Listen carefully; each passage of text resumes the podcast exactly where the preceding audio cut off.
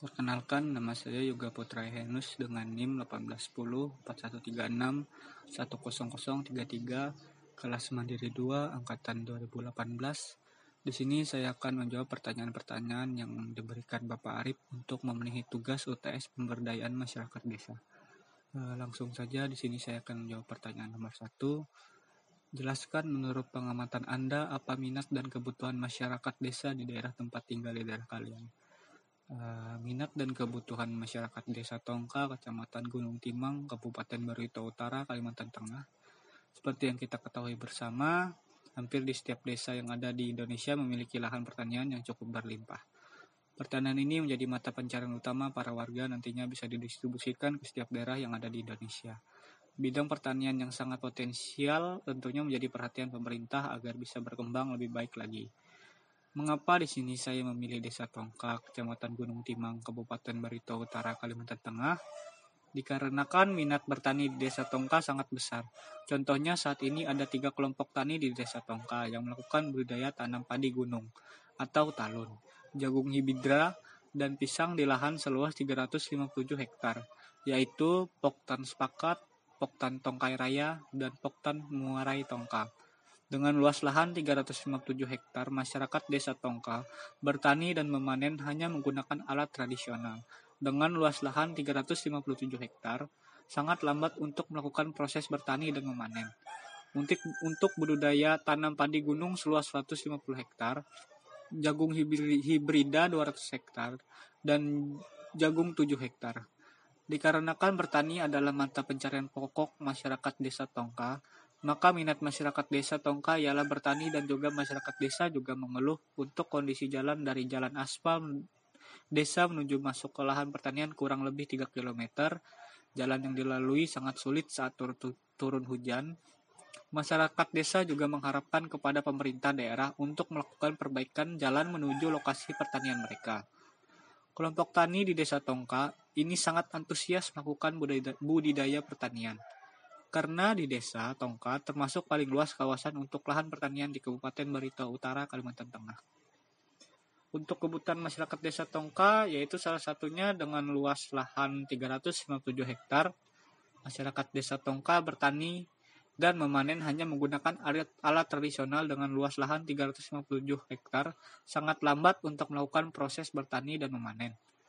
Jadi kebutuhan masyarakat desa Tongka ialah membutuhkannya teknologi untuk mempercepat bertani dan memanen. Berkembangnya teknologi, munculnya alat-alat canggih, contohnya traktor yang lebih memudahkan manusia untuk membajak sawah. Di sini juga masyarakat desa mengeluh untuk kondisi jalan dari yang dari jalan aspal dengan desa dari jalan aspal desa menuju masuk ke lahan pertanian kurang lebih 3 km. Jalan yang dilalui sangat sulit saat turut hujan Masyarakat desa juga mengharapkan kepada pemerintah daerah untuk melakukan perbaikan jalan menuju lokasi pertanian mereka. Kelompok tani di desa Tongka ini sangat antusias melakukan budidaya pertanian. Karena lahan pertanian tersebut merupakan mata pencarian utama para petani, maka hasil pertanian tersebut akan dijual yang biasanya lewat pasar tradisional ataupun koperasi desa. Para tak para petani masa kini harus diajari pula tentang menentukan harga penjualan dan modal serta mengelola keuangan apabila ada pemasukan yang masuk. Eh, langsung ke pertanyaan kedua. Pada suatu desa terdapat sumber daya alam lautan yang berpotensi jadi objek wisata. Namun masyarakat desa tersebut belum memanfaatkannya untuk aktivitas wisata. Jika saya berada di desa tersebut, maka yang akan saya lakukan ialah Nah, yang saya lakukan ialah membuat kegiatan yang menarik dan berbasis konferensi untuk wisatawan yang dikelola oleh masyarakat Contohnya eh, perkembangan sarana dan prasarana, prasarana seperti membangun villa ataupun resort wisata di sepanjang pantainya, penyewaan snorkeling, hidangan makanan laut, snorkeling di area, area terumbu karang, penyewaan scuba diving. Nah, untuk mengembangkan wisata tersebut, maka dengan melakukan kerjasama dengan jejaring ekowisata yang ada di tingkat nasional maupun internasional, Biro Perjalanan Traveling, dan pelaku wisata swasta sehingga pemasaran potensi objek ekowisata masyarakat yang pada saat ini masih tergantung pada wisatawan lokal dapat meningkatkan melalui hubungan kerjasama dengan jejaring ekowisata. mempromosikan pariwisata dengan menyampaikan keunggulan daya tarik wisata untuk menarik minat lembaga lain untuk bekerja sama untuk mengembangkan pariwisata berkelanjutan. Hmm. Dengan menyarankan dan membuka lokasi pariwisata sebagai tempat penelitian bagi siswa dari universitas terdekat untuk memeriksa flora dan fauna, kemudian menggunakan hasil penelitian sebagai referensi untuk kondisi lingkungan dan mengembangkan kemampuan masyarakat dalam menyediakan layanan pariwisata untuk meningkatkan peluang kerja bagi masyarakat lokal dan meningkatkan kondisi ekonomi. Pertanyaan selanjutnya, nomor tiga. Pada suatu desa terdapat masyarakat yang sangat beragam, beragam berbeda agama, berbeda suku, berbeda bahasa, dan berbeda rata sosial lainnya. Kemudian, pada suatu peristiwa yang terjadilah konflik besar yang mana antar masyarakat bertikai. Sebagai pemuda desa tersebut, maka yang saya lakukan ialah ya yang saya lakukan sebagai pemuda desa untuk meredam konflik ialah salah satunya menyelesaikan konflik dengan menghadirkan pihak ketiga atau disebut dengan mediasi.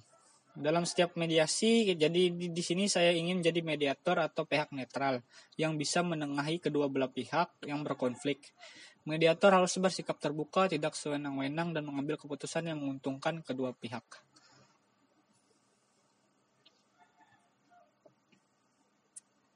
Yang saya lakukan ketika menjadi mediator untuk menengahi kedua belah pihak yang berkonflik ialah mempersiapkan usulan pertemuan antar pihak yang bertikai untuk membahas masalah, mendorong pihak-pihak yang bertikai untuk berperan secara langsung dalam proses mediasi, melakukan pertemuan terpisah dengan pihak-pihak yang berkonflik, mendorong kedua belah pihak yang berkonflik untuk membangun kepentingan bersama, bukan kepentingan pribadi, mendorong kedua belah pihak yang bertikai untuk mencari solusi atau penyelesaian atas konflik yang terjadi.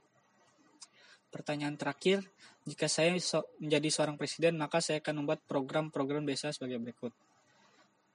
Satu, program inovasi desa membuka pusat kegiatan belajar. Selain pembangunan pendidikan formal, ada pula desa yang membuat lembaga pendidikan non-formal bernama Pusat Kegiatan Belajar Masyarakat atau PKBM. Tenaga pengajar yang dimiliki PKBM pun berasal dari guru SMK dan ada pula yang masih kuliah di perguruan tinggi. Mereka membuat sistem pembelajaran yang lebih menyentuh pada keahlian yang memiliki yang mereka miliki sehingga para alumni PKBM adalah orang-orang yang siap untuk kerja ataupun bisa membuka usaha sendiri. Dengan begitu, angka pengangguran di wilayah tersebut bisa menurun. Program inovasi desa membangun sekolah untuk memenuhi kebutuhan pendidikan. Seperti yang kita ketahui bersama, pembangunan di desa belum sepenuhnya terutama dalam hal pendidikan. Tak jarang para anak-anak desa harus bersekolah dengan puluhan kilometer jaraknya ataupun kondisi sekolah yang tidak layak dihuni padahal pemerintah pusat maupun daerah sepakat untuk mewajib, mewajibkan pendidikan minimal 12 tahun. 3. Program Inovasi Desa Pemanfaatan Tenaga Ahli untuk Pembangunan Usaha Desa. Kekayaan alam yang ada di desa sangat sangat sayang bila tidak dimanfaatkan dan dikelola dengan baik. Karena selain bertani, mereka pun memiliki peluang untuk mengembangkan kekayaan alam sehingga bisa dijadikan bahan bahan bisnis yang baik. Ketika niat dan keinginan mereka mereka sudah memiliki, sayangnya kemampuan untuk berbisnis masih sangat kurang. Maka diperlukan tenaga ahli dalam bisnis untuk mengembangkan usaha mereka dengan memanggil dan bekerja sama dengan tenaga ahli dalam bisnis. Diharapkan mampu membimbing para pembisnis di desa untuk bisa mengembangkan usahanya. Di desa, ada yang mengelola ikan air tawar, budidaya jamur tiram, serta usaha lainnya yang lebih produktif. 4. Program inovasi desa mengaktifkan kembali BUMDes yang dibekukan. Adanya BUMDes ini sebenarnya sangat membantu warga sekitar sehingga perekonomian mereka pun terbantukan.